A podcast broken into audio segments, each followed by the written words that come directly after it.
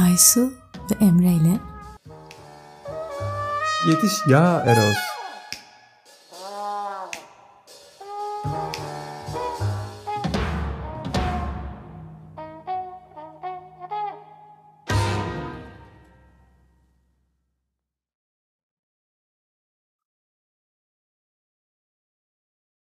Ah, yeni bölüm, Aysu bölümü. Hoş geldik. Hoş geldin. Bir önceki bölümde e, Aysu bana sorular sordu, benimle röportaj yaptı ve ben de kendimce, kendi halimden, kendi deneyimlerimden yanıtlar verdim. Bu hafta da bu sefer de rolleri değişeceğiz. Ben soru soran, Aysu cevaplayan taraf olacak. E, bu benim için bir ilk olacak bu arada Aysu. Birkaç kere böyle ufak tefek işte eş dost röportajların yapılmışlığı var bende ama ilk kez ben bu tarafta olacağım. O yüzden acemi olduğum bir yerdeyim, bir alandayım. Bakalım, göreceğiz. Ama oraya geçmeden e, yine klasik, benim hoşuma gitti bu seninle kendiliğinden gelişen geleneğimiz.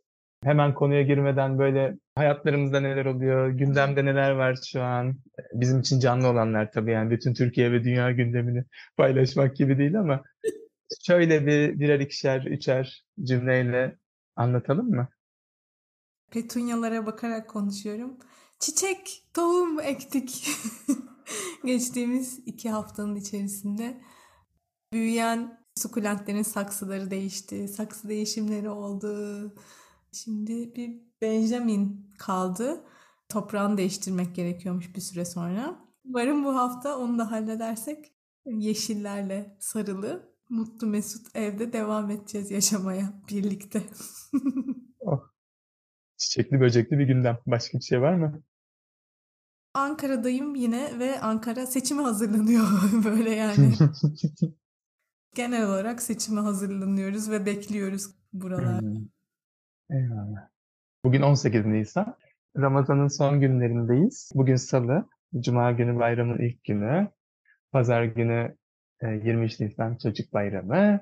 Şu an okullar bir hafta arada. Ve evet seçime gidiyoruz ülkecek. Bu sefer çok kritik dönem. Son 4-5 seçimde olduğu gibi.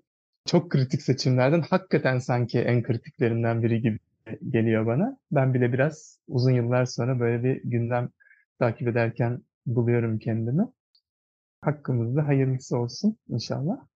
Kişisel olarak da Alanya'dayım şu an. Anne evindeyim. Annem ve eşiyle birlikte. Hatta eşinin oğlu ve onun eşi vesaire onlar da buralarda böyle bir aile buluşması bir nevi. Tadım tuzum, keyfim yerinde. Böyle. Ufak ufak sorulara geçeceğim ve biraz cüretkar sorular hazırladım. Bakalım tabii akışta nasıl gelişecek. Sen de sorulara geçmeden var mı herhangi bir şey eklemek istediğin? Benim için röportaj yapmak, yani çembere nasıl soruyorsam onun biraz daha özelleşmiş hali gibi. Çok farklı değil. Yıllardır çembere oturup soru soran birisi için. Hani hmm. öyle yerden de sorabilirsin hatırlatmasın. Hazırladığın soruların yanında büyük ihtimalle başka şeyler canlanabilir. O sorulara izin verince de ayrıca keyifli oluyor röportajlar. Yani benim deneyimim hep öyle. Böyle bir formatta ilk benim için ama dediğin gibi yıllardır çemberler. Bir de ben işte son bir yıldır zaman zaman birebir destekler sunduğum için kimi dostlara o anlamda da böyle birebir bir sor cevap al bir daha sor alışkınım. Spontanlığa zaten sonuna kadar yerim var. Yani bu yazdığım bütün soruları çöpe atabilirim. Ee, başka türlü akarsa. E hadi gönder gelsin. Gelsin mi? tamam. Direkt bodoslama gireceğim gerçekten. Sonra bir sakinleyeceğiz. Sonra yine bodoslama gibi akıyor bende. Bakalım dediğim gibi e, değişebilir bunlar akışta. Aysucum en son ne zaman seviştin? E, dilersen detay verebilirsin. Dilersen sadece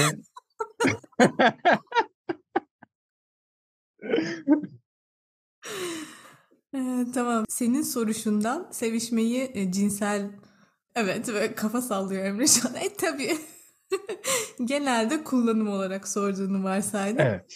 Dün sabah kendimle baya güzel oynaştım. Seviştim. Akşam da çok az yani çok çok bizim için çok çok kısa Onur'la oynaşmamız oldu ama Yani hani o, onu böyle çok saymıyorum galiba. Ee, detay vermek gerekirse de dün kendimle oynarken Magic Wand adında bir oyuncakla da oynadım. Oh. Reklam yapmış oluyor muyuz biz şimdi podcast'te Emre? Bilmiyorum ki o işleri pek. Ben de Öyle hiç- bir niyetimiz olmadığı kesin ama kendiliğinden çıkarsa da çıksın bence. oyuncakların kimileri için çok alışılmadık merak unsuru olduğunu biliyorum. Galiba o yüzden de Hmm, eklemek istedim. Oyuncaklar da çok güzel diye. ya.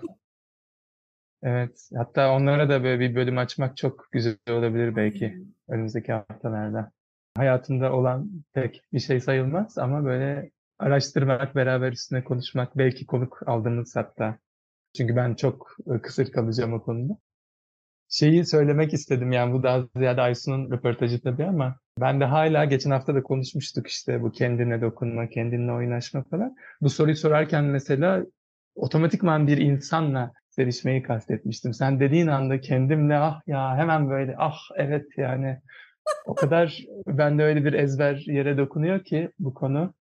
Neyse çok da fazla bak zaman almayayım ama bunu söylemeden geçemedim.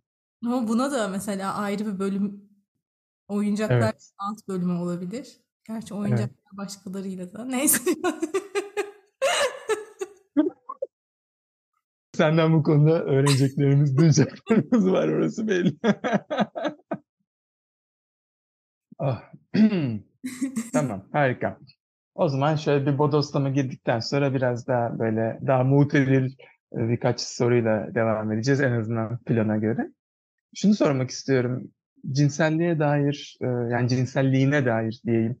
Hatırladığın ilk hikaye, ilk durum, ilk anı ne ola?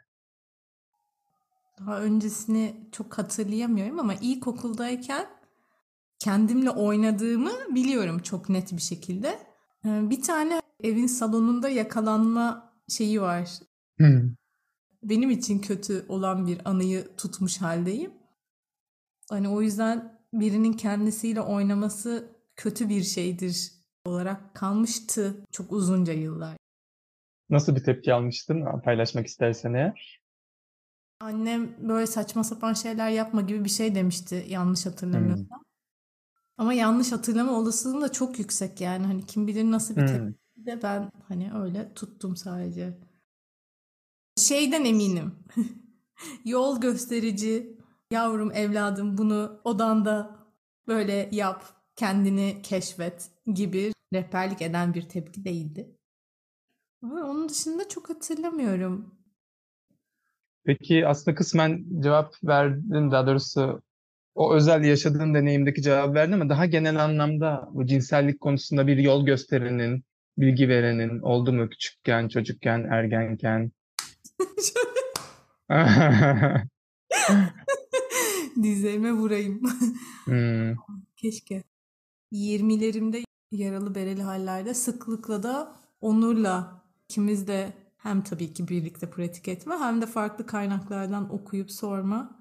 Sonra birbirimize anlatma. Öyle yani yoksa maalesef. hmm. Peki o yara bereyi sen nasıl edindin büyürken? Yara bereyi şöyle edindim. Annem ve babamın ilişkisinde ve onların bizimle olan ilişkisinde özellikle sınırlar konusunda oldukça bulanık bir örnek gördüğüm ve onun içinde yaşadığım için benim de ilk yakın ilişkilerim bulanık sınırlarla oldu. İlk Hmm. yakın ilişkimde bir ilişki içi tecavüz yaşadım. Onun sonrası da zaten çok uzun süre farkında olmadan onu taşıyarak geçtiği için baştan yaralı yola çıkmak gibi oluyor yani. Okuldaki eğitimde de, ailede de heteroseksist yaklaşım Hmm. olduğunda büyürken sadece erkekler değil beni çeken de bende bir yanlış var diye düşünerek ya orası da başka bir böyle kanayan yara oluyor bence bakılmayınca. Ergenlikten itibaren de onu hissettim. Hani belki kendi kendini tam olarak kabul etmemenin getirdiği bir yara oluşuyor. O da bir sürü bir şeyi etkiliyor. Benim tecrübem ben kendi kendimi tam olarak sevip kabul etmedikçe bir başkasını zaten olduğu gibi tam bütün olarak sevip kabul etmem bana çok mümkün gelmiyor yani. Bu önce can sonra cananda bu kısmı da var. Hı hı. Evet. Onur'dan elbette ki bahsettim ki ben hani çok biraz uzaktan biraz yakından senin üzerinden şahit olduğum böyle çok orijinal ve çok güzel bulduğum çok kıymetli bir ilişkidesiniz. Ona dair de sorularım olacak. Bir yerde bir aklımda bir çengel takıldı. Onu bir sorasım geldi. Şimdi bu sınırlar konusu çok önemli. Ya sadece cinsellik kaps sadece cinsellik kapsamında değil. Genel olarak yaşamdaki oluş halimizde, varoluşumuzda çok önemli. Olmakla beraber az önce bulanık sınırlardan bahsettin. Ailede gördüğün bulanık sınırlardan. Can isterse ve ailenin özeli anlamında bir sıkıntı yaratan bir şey değilse. Yani neyi kastettiğini çok merak ettim ve takıldı zihnimin yüzde onu orada bekliyor şu an. Ben ilk ailemde sınır ihlali gördüm. Şiddet vardı. Benim fiziksel şiddet gördüğüm de oldu. E, bu zaten bir diğerinin sınırını alenen e, ihlal etmek. Onun da getirdiği sevgiyi ilk gördüğüm insanlarda yani annem ve babamda bunu böyle görmek sınır ihlalinin olabildiği halde hala beni seviyor kabulünü böyle birlikte getiriyor. Hmm. Ben çok sonradan anladım. Kafada işte bu sınırlar, rıza gibi şeyler çok bulanık. Kendi sınırını net ortaya koymama belki. Net farkında olmama ve net ortaya koymama. İlk adımı tabii ki farkında olma. Bedenim, sınırım, bir kapasitem var. Bunu da ben net bir şekilde ifade etmedikçe diğerinin okuması da çok mümkün değil. Öyle. Evet, evet. Yani sınırın hem farkında olma hem farkında olduktan sonra o sınırı koyma ve sonra da onu koruma yani çünkü işte dediğin gibi bir kere hayır diyorsun ama gelebiliyor. Yani bu şey de olabilir çok işte o akşam ne yemek yemek istediğinle ilgili ailenden gelen baskı da olabilir. Bambaşka şeyler de olabilir. Ve orada eminlik yani aslında kendi sınırına dair eminliği hissetme ve orada sağlam durma birçoğumuz için galiba e, çok öğretilmedi bizlere yani bu. Hani geçtim biz farkında olma kısmında bile belki çok ciddi sorunlar yaşarken farkındayız ve koyduk, koyduk ve hala orada sağlam durabiliyor muyuz? Hmm. Çok kıymetli bir konu bu sınırlar konusu gerçekten yani hayatta. Hmm. Koruma kısmı da evet gerekiyor. Kendi doğrusunu dayatan evet. insanlarlayken. Evet, evet, evet. Doğru ve yanlışın herkese göre farklılaşabileceğini unutunca koruma kısmı gerçekten mühim. Hmm. Peki bütün bu süreçte işte belki özellikle 18'e kadar sınırların biraz muğlak olduğu bir ortamda ve şiddet içeren bir ortamda büyürken bir yandan okul, sınavlar ve işte bütün bunların yanı sıra heteroseksist bir yaklaşım evde, okulda, televizyonda bütün bunların içinde senin cinsel kimliğinle olan tanışman ve bu kimliğin gelişmesi, oluşması, hani az önce biraz girdin oraya, hem cinslerimden de hoşlandığım, onları beğendiğim oldu ama bende bir yanlışlık var soru işareti belki. Tüm bunlar seni nasıl şekillendirdi ve nasıl taşıdı daha ileri yaşlara diye çok kapsamlı bir soru soruyorum. Sen istediğin yerinden tut. Ya çok uzunca süre 20'lerin sonuna dek galiba ben şeyi taşıdım. Bende bir yanlış var. Hı. O da böyle yani bugünlerde bu ev mevzusu ve kendi bedeninde evinde hissetme üstüne yürüyüp düşünüp duruyorum. Ben kendi bedenimde çok huzurlu değildim gerçekten 20'lerin sonuna dek. O da böyle şey gibi yani sürekli sırtta yük taşımak gibi bir şey. Ve dünyada huzur bulamama. Bence kendi bedenimde huzur bulamamak, dünyada huzur bulamamak. Şimdi dönüp baktığımda da şeyi görüyorum. Bir arayış halim varmış. Tabii ki kendi bedenimde olduğum halimle kendimi kabul edip sevmeye başlayınca sen diyorsun ya yani nereye gitsen mutlu görünüyorsun. O onun sonrası e, bence. E, onun öncesi daha çok böyle bir işte arayış, bir kısmı belki arkadaş çevresinde arayış, bir kısmı yerde hani nerede yaşayacağım arayışı olabilir. Ya bir sürü bir şey yansıdı. Şu an spesifik söyleyemeyeceğim ama gerçekten göçebe olana kadar ben herhalde göçebe doğdum diye düşündüm mesela. Hmm. Özünde diyebileceğim altta yatan bir huzursuzluk gibi yani. O kendimle barışık olmama hali. Hmm. Bir sürü bir şey etkilemiştir eminim. Ben farkında olmadan. Evet. Peki bunun kırılma anı veya anları, dönemi ne sence? 20'lerin sonlarında ne değişti de daha barış haline geçebildin? Ya tek bir an olmadı. Aha. Böyle bir sürü bir şey etkiledi. İlki tabii ki yakın çevremde heteroseksüel olmayan insanların artışı. Hmm. Ben her daim biliyordum ya sadece erkekler değil e, beni cinsel veya romantik olarak çeken. Ben hep bunun farkındaydım. Ama ne zaman ki yakın arkadaşlarımdan queer birileri olmaya başladı, o zaman ben de daha rahat herhangi birileriyle konuşmaya başladım. Artı Onur genel olarak yani işte biz Onur'la kaç yaşımızdan beri beraberiz? 19 galiba. evet 19 doğru 20. yılımızı kutladık.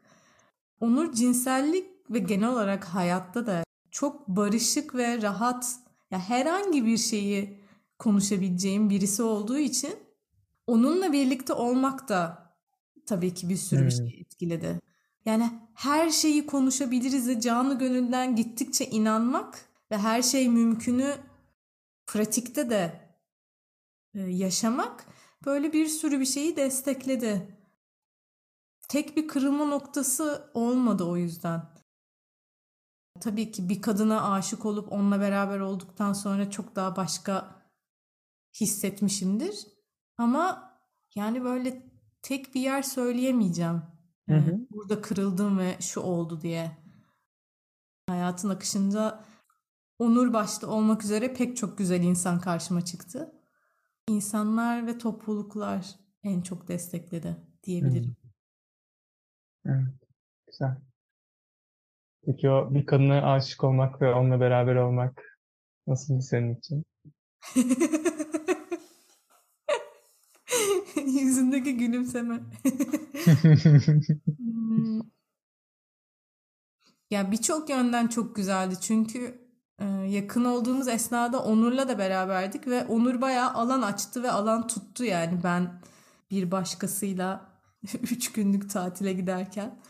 Oh. Halen çok yakın dostum.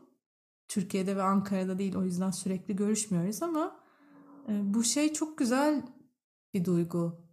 Ömürlük dostlara cinsel olarak da bağlanmak. Hmm. Zaten sanırım benim için çok aşklılığın anlamı bu. Birçok kişiyle hissetme hali, o birlik halini e, yaşamak çok güzel bir duygu. Çok güzel yani ister kadın ister erkek olsun. ister oh. başka bir şekilde ifade etsin kendini. Böyle hoşuma gidiyor bunları duymak. Yani ben cinsel kimlik olarak ve cinsel yönelim olarak daha klasik, daha heterodoks kültürün ya da bir bilmiyorum bir şeyin ürünüyüm. Şunu da bilmiyorum tabii. Bunlar ne kadar işte kültür bana bunu öğrettiği için böyleyim. Kendimi erkek olarak tanımlıyorum ve kadınlara eğilimim var, yönelimim var. Hani bunlar benim için çok net. Bir tarafım merak ediyor yani hani işte kültür diye bir şey olmasaydı öyle bir söz okumuştum çok yılda ya da duymuştum hani aslında herkes o zamanlar tabii queer falan kavramları bile çıkmadan önce ya da ben bilmeden önce kültür diye bir şey olmasaydı herkes biseksüel olurdu diye mesela bir cümle duymuştum ben. Freud'a atfedilen. Doğru yanlış bilmiyorum. Ben bu konularda çok fazla okuma yapmadım. Ee, ama öyle bir merak oluyor içimde ve böyle duymak mesela şu an senden hoşuma gidiyor. Bu queerlik kavramı ve işte yönelimin farklı farklı insanlara ve hatta insan dışı e, varlıklara akışı hoşuma gidiyor. Ve ben de daha düz oralar yani daha düz. Bakalım. Belki açılacağı varsa açılır belki. Belki zaten yoktur. Bilmiyorum. Peki Onur'un da şimdi adı geçmeye başladıkça ve yoğunlaştıkça ya gerçekten çok çok beğeniyorum yani ilişkinizi ve Onur'la da daha fazla bir irtibatta olmak isteği var içinde. Kısmet olur umuyorum önümüzdeki zamanlarda. Bayağı beraber büyüdünüz diyebiliriz değil mi? Yani 19 yaşından itibaren gelmek ve 20 senedir bir arada olmak ve yine bir kısmına biraz şahidim senin anlattığın kadarıyla işte sizin anlaşmalarınız var, değişiyor, şekilleniyor, öyle oluyor, böyle oluyor. Yani bütün bunlar içinde en tatlı gelen, hoşuma giden tabir, yine ne kadarını anlatmak istersin bilmiyorum. Sizin apaçık evliliğiniz. Apaçık evlilik nedir? Nasıl yaşanır? Aysu ve Onur. Yapar bu konuda?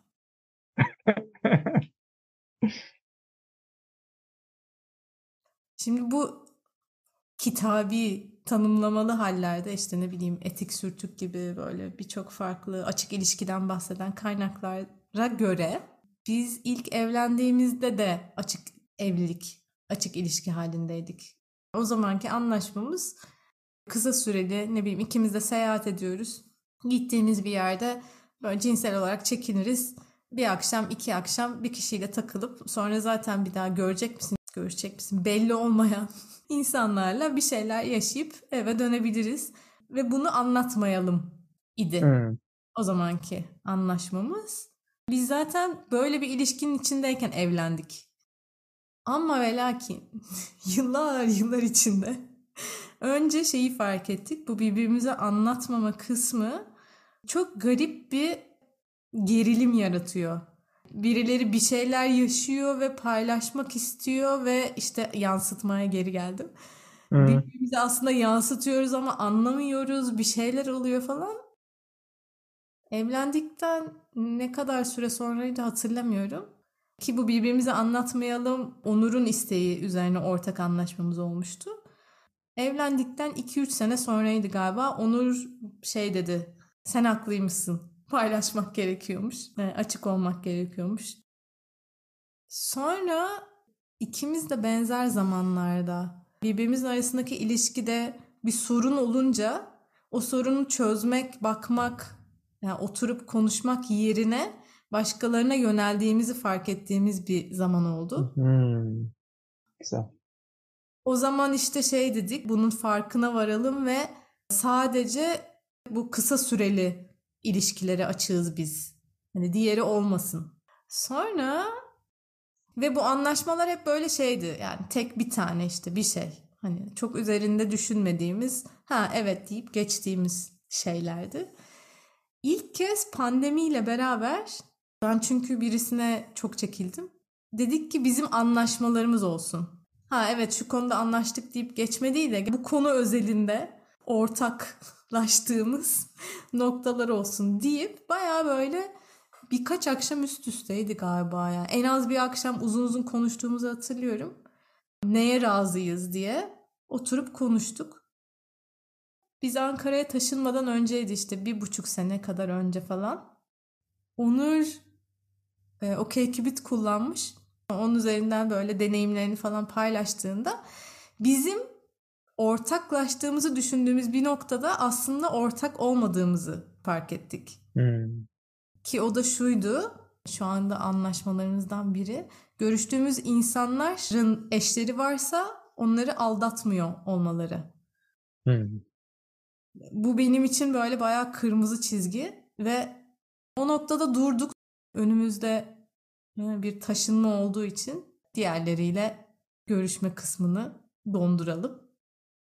Tam olarak dondurma değil mi? Çünkü sizin aklın açık evlilik, apaçık evlilik gibi böyle bir basamaklarınız olduğu için emin olmak için soruyorum. evet evet tam olarak dondurma. Tamam. Nitekim şöyle yaptık yani taşındık. Daha böyle evde ev işleriymiş, şuymuş, buymuş daha huzurlu hissetmeye başlayınca bu sefer dedik ki ilk kez yazalım anlaşmaları. Onur da hatta manifestomuz olsun falan dedi. O da eğlenceli geldi. Kendi manifestomuzu yazmak. Şu anda değiştirilebilir. Hı hı. 10 artı maddesi var. hı hı. Bana yollamamış olduğun manifesto. Aynen evet ya. hani apaçıkla kastettiğim de şuydu. İlk halimizde işte dediğim gibi açık evlilik varsayılıyor. Literatüre göre. Literatüre göre diyelim evet. Ama bana tam açık hissettirmiyordu. Diğer kişilerle tekrar tekrar görüşme, görüşmek isteme, onlarla da zamanı gelirse, istenirse, başka anlaşmalarımızın olması gibi gibi şeyler. Redde açık olma sanırım benim için açıklık. O yüzden de seninle konuşurken apaçık evlilik dediğimde bu hal. Hmm. Hala vizyon olarak böyle bir manifestoya da ihtiyaç duymadan yaşamayı isterim, dilerim. Ama şu da bir gerçek. Benim de Onur'un da ilişkimizin de böyle oturmuş paternleri var. Hani o güvenli alanı hissetmeden bizim var olan ilişkimizin devam etmesi zor. O yüzden de anlaşmalar şu an için güzel. Hmm. Evet. Çok sağ ol anlattığın için. Yani bu konu tabii çok su kaldıracak bir konu yani. Açık ilişki, çok eşlilik, çok aşklılık, poliamor, apaçık evlilikler, yarı açık evlilikler, yarı açık cezaevi şey geldi bu arada şu an kavramı geldi aklıma. Neyse. Bunları muhtemelen biz yani benim tahminim ve öngörüm ne bileyim bir başlarız sanki birkaç bölüm belki bunu konuşuruz gibi geliyor ya da tekrar tekrar döneriz belki gibi geliyor. Çünkü zamanın ruhunda da olan bir konu bu. Ya özellikle ben bilmiyorum son 7-8 yıldır belki. Ondan önce hiç böyle bir şey aklımın ucundan geçmezken benim de hayatıma girdi. Ve bir anda pıt pıt pıt böyle dışarı çıkıyorum, birileriyle tanışıyorum ve bu konu açılıveriyor. Yani hakikaten bizim ötemizde böyle bir durum var sanki. Ve kimi zaman benim kişisel deneyimde yoğunlaşıyor bu. Bir anda her yerde bu konuşuluyor oluyor. Sonra bir anda azalıyor ya da bana denk gelmiyor. Sonra bir bakıyorum yine birileri bu konuyu konuşur oluyor falan. Kocaman bir konu yani çok kocaman bir konu ve çok araştırılası, birlikte dinlenesi yani kulağımızı açıp, kalbimizi açıp hep birlikte dinlememiz gereken bir alan gibi geliyor bana. Ve şöyle bir yerden tabii bu açık ilişki iyidir, doğrudur, hani bunun bir bayraktarlığını yapmak gibi de değil. Ama bir şey varsaymamak. Üstümüze yüklendiği için işte bazı değerler, heteroseksistlik gibi, tek eşlilik gibi vesaire. Bunları bir sorgulamak, bakmak. Ve evet ben hala oradaysam zaten ne güzel, ne mutlu. Orada kalayım. Ama sırf üstüme boca edildiği için onunla durabiliyorum hayatın birçok alanında. Bu da herhalde en başta gelenlerden biri yani o işte tek eşlilikler, sadece karşı cinsten biriyle yakınlaşmalar. Yani gördüğümüz televizyon tabii şimdi yani son yıllarda bu bir miktar elbette değişti ama hala çok büyük oranda. Durum bu. Bizi daha normal olmaya tırnak içinde e, davet eden bir sistemin içindeyiz. Biz bunu seçelim. Seçiyorsak sorun yok ama üstümüze yapışıyorsa bence yanlış bir şey var. Velhasıl hani bu böyle çok sorgulanası hmm. bir konu. Bilmiyorum.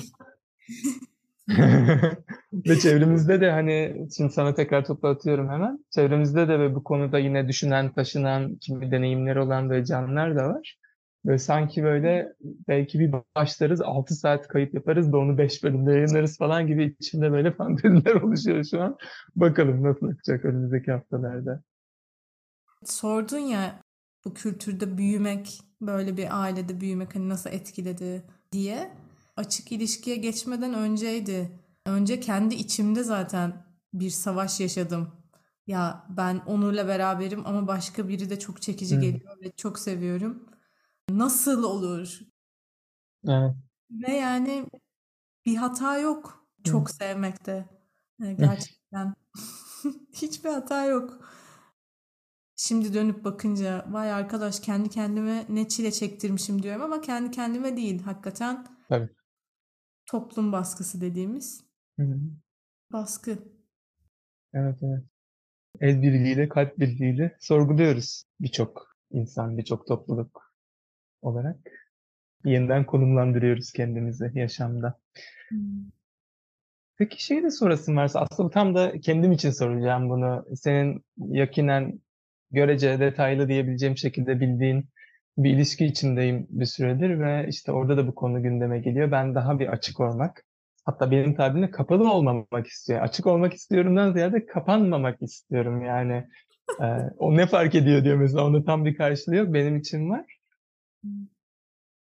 Ve hani kimi zaman bu bizi yani başka durumlar da var ama hani kopuş olasılığına götürüyor. Sonra bir şekilde direkten dönüp şimdilik devam etmeye alan açıyoruz, gayret ediyoruz kendini böyle dışarıya kapalı, tek eşli, tek aşklı bir ilişkide düşünebiliyor musun mesela? Hani buna alıştıktan sonra, buna bu kadar alan açtıktan sonra mesela özellikle de karşındakinin daha az zorlanması için veya bu ilişkinin sürebilmesi için buna ne kadar bir yerin var bu saatten sonra diyeyim bunca deneyimler sonra.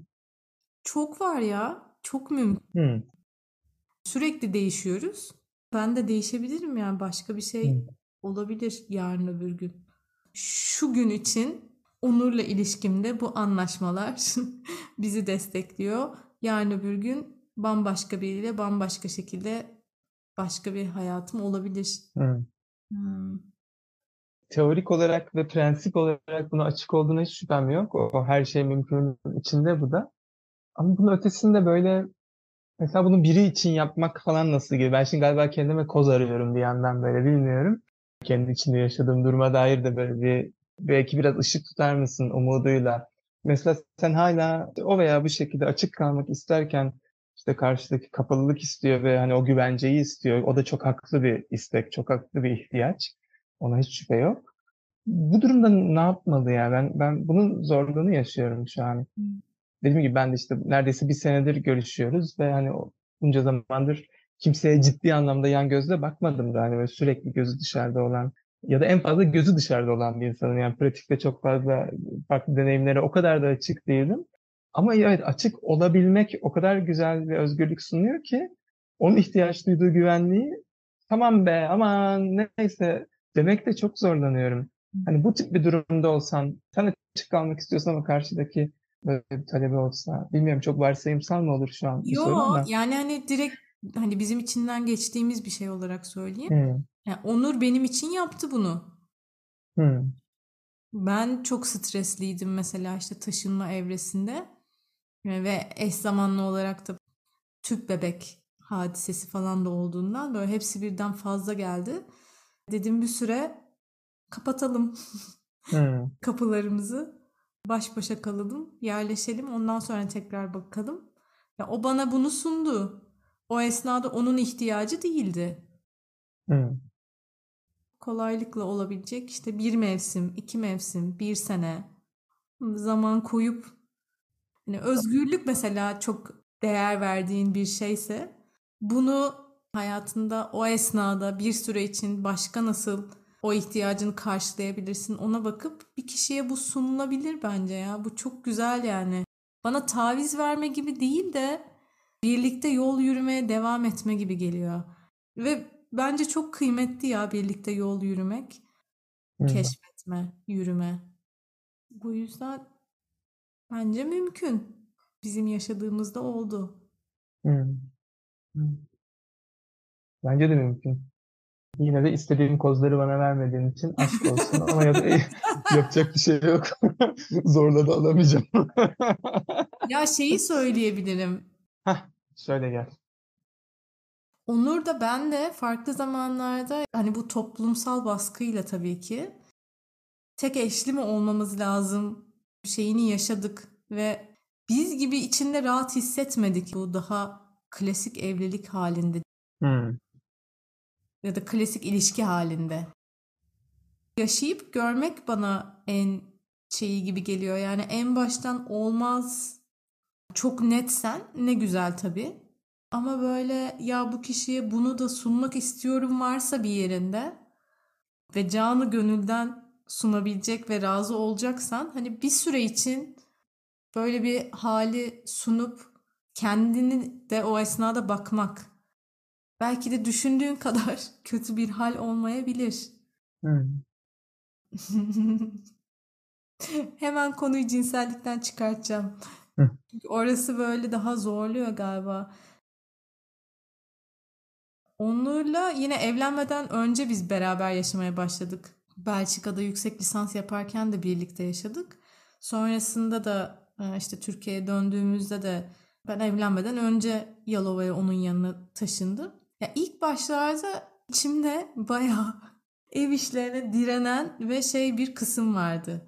Sözde feminist diyeceğim.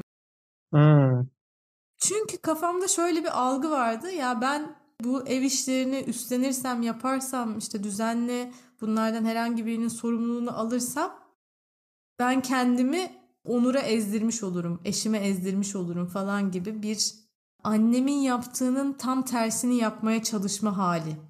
Tamam, şimdi oldu. Tam ifade edebildim.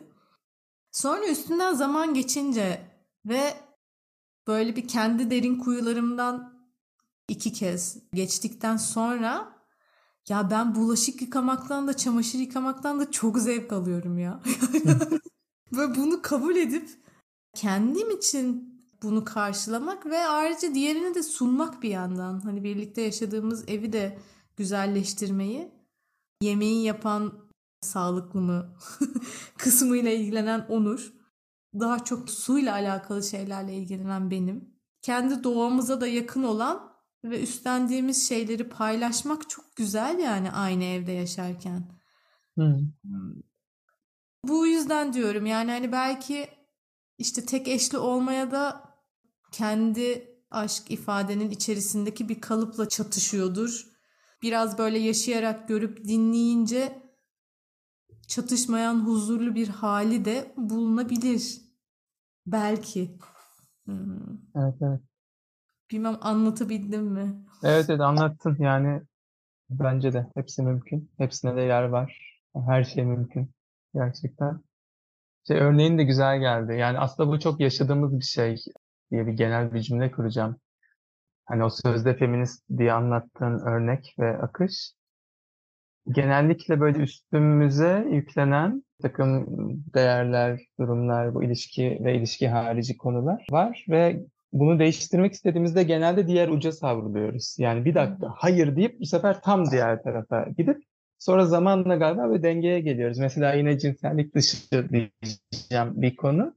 Benim parayla olan ilişkim öyleydi. Mesela harcama yapmakla. İşte şu anki dünyada, işte 2000'ler dünyasında bu kadar çılgıncasına bir tüketimin içine doğmuşuz ve içinde yaşıyoruz. Bende de böyle senin de kısmen bildiğin yolculuğunda böyle aşırı bir minimalizm coşkusu oldu bir süre. Neyin yağını çıkartırcasına hiçbir şey harcamamak, o parayı işte en az ayda işte o zamanlar tabii şimdi bugünün parasıyla ne, nereye denk gelir bilmiyorum.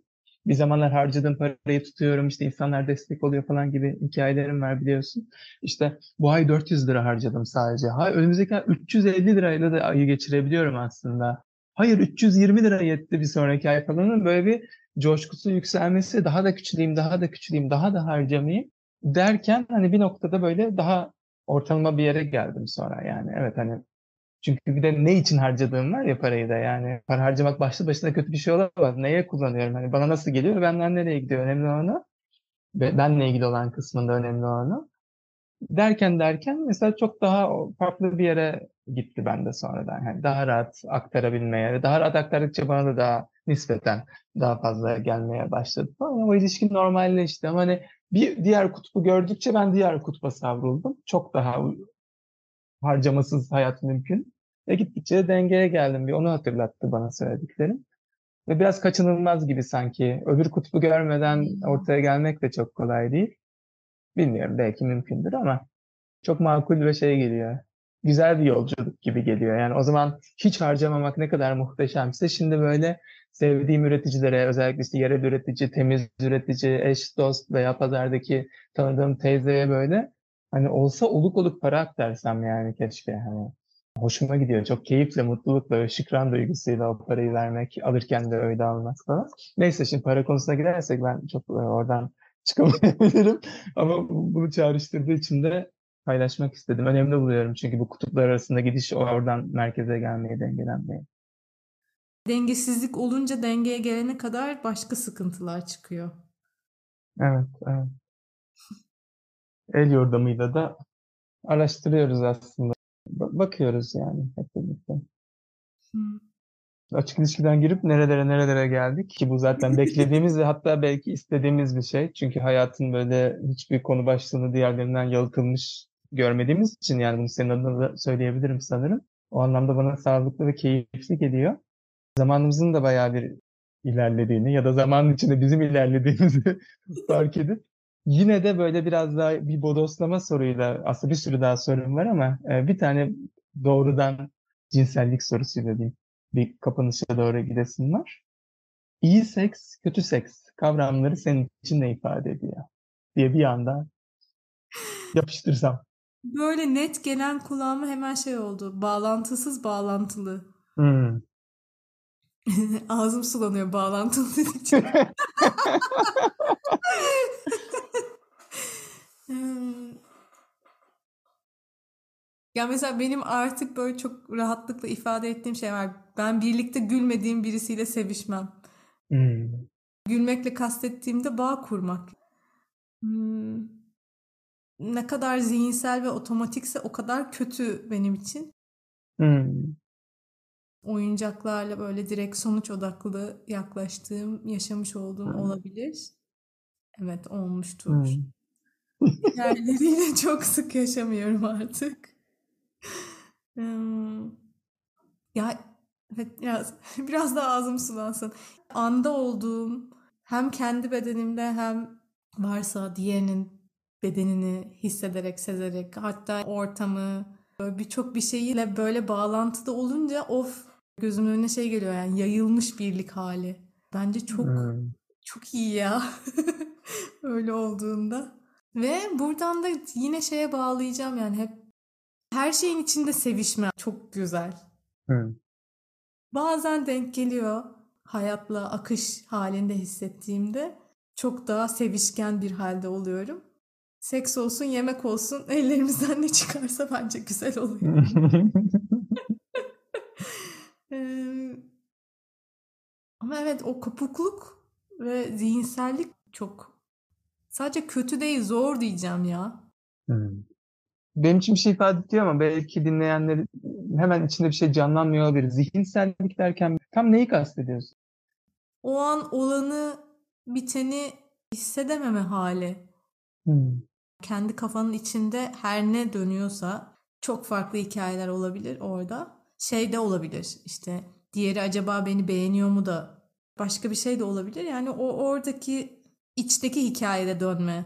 Dışarıda olanı tadını çıkarmak. Evet. Evet. Evet, tadını çıkarmak da buraya tam Hı. oldu. Evet, evet, evet, evet. Yani böyle şey kavramı geldi bana da yani daha doğrusu tabiri. Ana ve bedene yerleşemediğimiz zaman sanki. Dedim ya hani çok uzun sürdü benim kendi bedenimde huzurlu hissetme, yerleşme Evet. halim. O yüzden tabii ki kötü seks yaşadım, yaşıyorum, var. Ve bence zihinsellik getiriyor sıklıkla. Hmm. Anın tadını çıkaramama. Evet. Ve Biriyle bir yakınlaşma durumumuz söz konusuydu ve ama içimde çok fazla soru işareti var. Tam az önce kötü sekste bahsettiğin gibi yani bir aktiflik, yani zihinde aktiflik, kafada bir aktiflik. Sürekli bir sorgulama. Ya bir dakika, hakikaten beğeniyor muyum, beğenmiyor muyum, ne olur bilmem ne. Hani böyle bir türlü o anın içinde kalmak değil de o anla ilgili soru işaretleri bende çok aktifti. Mesela şu tabir çıktı yani. Ya şu an dedim zihnim çok kirli. Zihnim çok kirli ve yapamayacağım yani çok saçma, haksızlık olacak. Hani sana da kendime de haksızlık olacak dedim büyük ihtimalle ya da bu kısmını şu an uyduruyor da olabilirim. O kadar çok soru işareti vardı ki aklımda, o kadar yoğundu ki böyle bütün enerjim yukarıda, kafada. E, Bir yükselme var, bir yakınlaşma var ama kafada çok daha fazla bir yoğunluk var. Ve geri adım atmıştım. Böyle. İlla ki anlat beni dedi, anlat. Hmm. O yüzden bu şeye döndüm. Sevişme, daha geniş haline bakma. Hmm. yakın ilişkide olduğum birisine yani bu halimi paylaşınca Onur'la çok sık yaşıyoruz birbirimizi. Şu anda hani sana nasıl yardımcı olabilirim? Hmm. Ne kafandan çıkmana destek olur diye sorup dinleme, bakma. Ben ellerim ve ayaklarımdan çok uyarılıyorum mesela. Onur bunu bildiği için ben dersem yani şu an çok kafamdayım bir şeyler düşünüyorum. Yani nereye, hangi tuşa basacağını, nereyle oynayacağını bildiğinden çok daha Hmm. kolaylıkla beni kafamdan bedenime getirebiliyor. Hmm. O yüzden yani o sevişme, oynaşma, oynama halini genişletme bana çok güzel geliyor. Orası güzel, keyifli. Hmm. Şahane. Var mı kapatmadan önce paylaşmak istediğin herhangi bir şey? Herkesin farklı farklı şekillerde sevişmesini diliyorum. Hmm. Gördüğüm, umut ettiğim, gerçekleşmesini dilediğim hani bu savaşın olmadığı, barış ve huzurun devam ettiği dünyayı burası sağlıyor. O, o yüzden de anlatıyorum. O yüzden de yetiş ya Eros demek istedim. O yüzden buradayım, kayıttayım. Bunu diyeyim son söz olarak. Şahane bir kamu spotuyla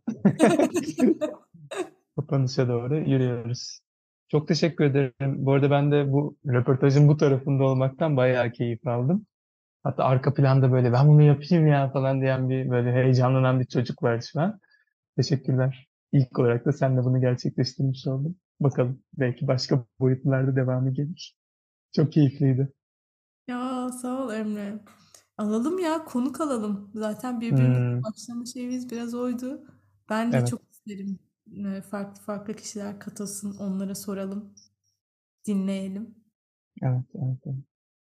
Allah Allah, hadi bakalım. Teşekkür ederim. Teşekkür ederiz. Bu arada dinleyenlere de teşekkür ederiz. Yakın bir zamanda inşallah iki hafta kadar sonra yeniden kavuşmak üzere.